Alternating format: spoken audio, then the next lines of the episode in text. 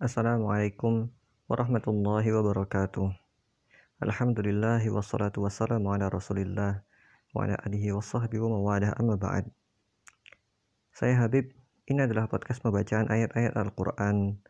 Selama bulan Ramadan ini, saya mengajak teman-teman untuk memahami isi Al-Qur'an lewat terjemahan yang tersedia bersama kita. Lanjutkan ayat 41. أعوذ بالله من الشيطان الرجيم.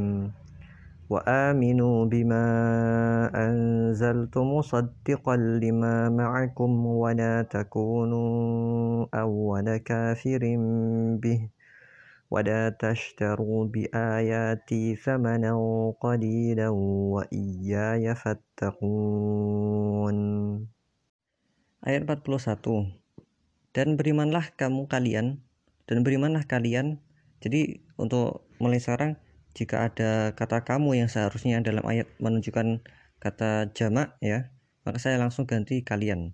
Dan berimanlah kalian kepada Al-Quran dalam kurung Al-Quran yang telah aku turunkan yang benar yang membenarkan apa dalam kurung Taurat yang ada pada kalian. Dan janganlah kalian menjadi orang yang pertama kafir kepadanya. Janganlah kalian menjual ayat-ayatku dengan harga murah dan bertakwalah hanya kepadaku. Di sini eh, setelah ayat 40 sebelumnya adalah pembukaan dakwah ayat yang mengingatkan kedudukan Bani Israel eh, sebagai keturunan Israel, keturunan hamba Allah, keturunan Nabi Nabi Allah yang saleh, orang saleh. Juga mereka telah mendapatkan nikmat-nikmat Allah juga uh, berupa nikmat kenabian, nikmat kerajaan, dan juga mengingatkan mereka untuk memenuhi perjanjian mereka dengan Allah. Perjanjian kuat yang mereka adakan dengan Allah. Ayat 41 melanjutkan untuk mendakwai mereka. Pembukaan tadi, pembukaan sebelumnya ayat 40 itu mengandung pelajaran bahwa dalam dakwah itu seorang dai perlu mengenali kedudukan orang-orang yang dakwai. Dakwah itu tidak perlu diawali dengan cara merendahkan sebesar apa pun kesalahan yang dilakukan seseorang, kekufuran, menjual ayat-ayat Allah, kesyirikan, dosa besar, pembunuhan, korupsi dan sebagainya. Tidak perlu dengan cara merendahkan karena boleh jadi mereka tidak tahu. Awal dakwah tentunya adalah dengan sikap husnuzon. Berprasangka baik bahwa mereka adalah orang-orang yang punya potensi untuk menerima dakwah dan menjadi orang yang lebih baik. Mungkin mereka melakukannya bukan bukan karena kesengajaan. Kita tidak tahu, kecuali kita tahu maka kita bersikap berbeda. Tapi kalau kita tidak tahu, maka dakwah itu uh, khususnya adalah mereka melakukannya bukan karena tidak tahu. Karena mereka jahil, maka kita menjelaskan hukum yang sebenarnya. Kita khusus kita husnuzon kepada mereka. Mereka punya mereka bisa menjadi orang yang lebih baik mereka akan mengubah kesalahannya. Seorang dai tidak boleh membuat uh, stereotip. Istilah Jawanya kebiah uyah pukul rata semua orang sama. Tidak. Mungkin kita mempertimbangkan latar belakangnya backgroundnya boleh. Dari kelompok apa dia berasal tingkat pendidikannya eh, tingkat ekonominya dan sebagainya untuk menyesuaikan strategi dakwah yang dipilih. Namun eh, di diagnosis seperti itu bukanlah untuk mengecap, untuk memfonis bahwa semua orang dengan background yang sama pasti semuanya sama. Misal kita pernah mendawai orang satu orang Jawa kita pernah mendengar seorang satu orang Jawa lalu dia menolaknya mentah-mentah bahkan memusuhinya. Kita tidak bisa langsung memfonis bahwa semua orang Jawa sama seperti dia akan menolak dakwah mentah-mentah. Gak bisa. itu yang seperti itu namanya stereotip kita nggak boleh melakukan stereotip setiap orang itu unik semirip apa pun dia dengan orang lain ini contoh saja contoh, uh, saya sebutkan Jawa ini sebagai contoh saja siapa pun dari kelompok apa pun tidak boleh mendapat stereotip karena kelompoknya jadi uh, pembukaan dakwah dengan bentuk pemuliaan penghormatan dan bahasa yang baik adalah penting itu adalah tanda bahwa kita punya husnuzon kepadanya. Namun pembukaan ini jangan jadi basa-basi yang berkepanjangan yang bertele-tele. Langsung kepada poinnya. Berimanlah kalian kepada apa yang telah kami turunkan, apa yang telah aku turunkan kepada kalian. Apa yang telah aku turunkan sebagai pembenar kepada kalian. Yang membenarkan kepada kalian. Berimanlah kalian. Kalimat ini, kalimat perintah berimanlah kalian itu juga bisa dianggap sebagai kalimat khusus yang menjelaskan kalimat sebelumnya dan penuhilah, penuhilah janjiku di ayat 40 tadi ada kalimat Allah memerintahkan penuhilah janjiku kepada kalian. Itu kalimat yang umum karena janji Allah kepada Bani Israel itu banyak. Sehingga sehingga kalimat di ayat 41 berimanlah kalian kepada apa yang aku turunkan. Itu adalah kalimat khusus bisa dilihat seperti itu. Dan kalimat e, perintahnya adalah beriman kepada apa yang kami turunkan. Berimanlah dengan Al-Quran ini. Karena Al-Quran ini adalah kitab yang turun dari sisi Allah dia bukan kitab buatan manusia. Dia diturunkan. Dia juga kitab langit. Kitab samawiyah. Seperti kitab yang kalian pegang. Ini adalah alasan alasan uh, perintahnya. Yang uh, uh, sifat karakteristik Al-Quran ini dia membenarkan apa yang ada bersama kalian. Musaddiqal lima ma'akum. Al-Quran arti membenarkan membenarkannya adalah lawan kata dari kadzaba ya seperti ayat 39 kadzaba mendustakan musaddiq artinya membenarkan mengakui benarnya sesuatu Me mengklaim uh, ya mengklaim menyatakan benarnya sesuatu Al-Quran mengakui kebenaran Taurat secara umum. Taurat itu benar datang dari Allah. Ajaran pokok di dalamnya, ajaran iman, ajaran amal, itu benar-benar datang dari Allah, bukan buatan manusia. Ajaran imannya tidak diubah, adapun kalau ada ajaran syariat, adapun kalau Al-Quran ini ada syariat yang berbeda dengan Taurat, itu menurut ini yang disampaikan Syekh uh, Imam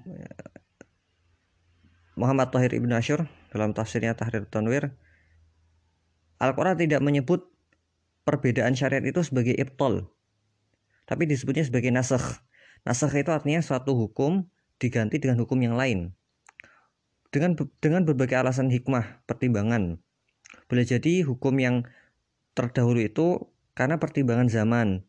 Zaman yang sesuai di uh, hukum yang sesuai dengan zaman itu hukumnya begitu. Kemudian ketika zaman berubah maka hukumnya berubah. Itu disebut nasakh dan ada pertimbangan yang lain dalam hasil, dalam hal nasakh. Allah tidak menyebutnya ibtol artinya pemb atau pembatalan. Allah tidak menganggap bahwa syariat yang ada di, di dalam Taurat sebelumnya itu adalah syariat yang keliru. Yang tidak ada dasarnya sama sekali. Allah mas, uh, Allah dalam dalam ungkapan Allah bahwa Al-Quran adalah musaddiq sebagai benar ini menunjukkan bahwa Al-Taurat itu semua isinya juga benar gitu uh, uh, bukan semua isinya maksudnya Al-Quran secara Taurat secara umum meskipun Al-Quran juga mengakui bahwa Taurat yang ada setelah di zaman Nabi Muhammad itu adalah Taurat yang sudah ada yang diubah isinya.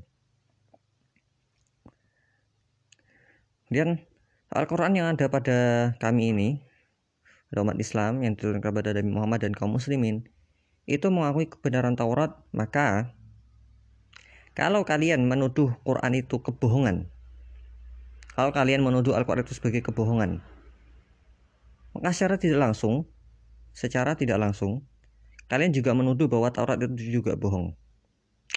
Penafsiran yang seperti ini, penafsiran yang bentuk kedua ini, makna musaddiq ini ditafsirkan oleh disebutkan oleh Syekh As-Sa'di dalam tafsirnya Taisirul Kari Taisirul Karim Rahman. Catatan bahwa nama beliau yang benar adalah nisbatnya adalah As-Sa'di dengan kasroh Sa'di bukan Sa'di. Fathah sebagaimana ini yang dikatakan oleh Syekh Saleh Al Utsaimin yang menurut uh, yang menurut beliau itu yang benar dan dikatakan oleh keluarganya. Dan di sini perlu dilihat bahwa ungkapannya adalah apa yang ada bersama kalian. Bukan musaddikon lit Taurah membenarkan Taurat. Di sini ada hal yang uh, faedah yang juga disebutkan oleh Imam Ibnu Ashur bahwa yang ada bersama orang-orang Yahudi Bani Israel itu termasuk Taurat tapi tidak itu saja. Nggak cuma Taurat. Ada kitab lain. Ada sejarah nabi-nabi. Ada kitab-kitab pujian dan ada kitab nubuat atau nabi-nabi kecil. Jadi mereka punya e, singkatan namanya Tanakh. Tanakh itu terdiri dari empat itu tadi. Ada Taurat, Nevi'im, dan Ketuvim. Dan menurut Ibnu Ashur, kenapa kok disebutkan lima ma'akum bukan Taurat? Karena karakteristik tentang nabi terakhir, agama terakhir, syariat terakhir itu tidak dirincikan di Taurat atau yang lebih disebut Pentateuch ya. Di Perjanjian Lama bisa di bisa kalian jumpai dengan nama Pentateuch.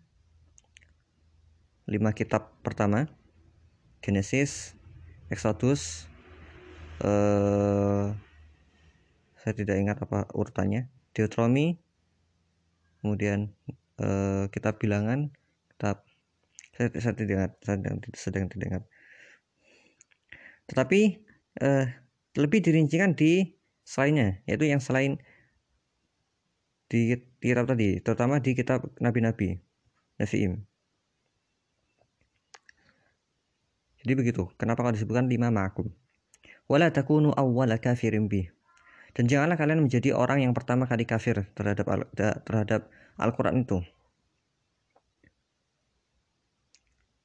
Di sini ada perintah jangan kali jangan kalian menjadi orang orang yang pertama kafir dengannya. Mungkin eh, pemahaman yang pertama kali terbesit di teman-teman adalah kalian jangan menjadi orang yang pertama kafir.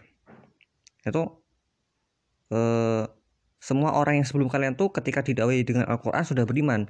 Kalian jangan menjadi orang kafir yang pertama.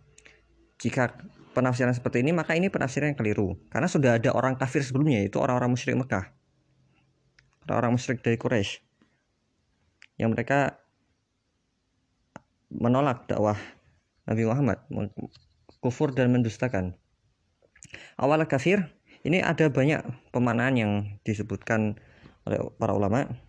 Di antara maknanya adalah karena eh, kalimat ini ditujukan khusus kepada Bani Israel.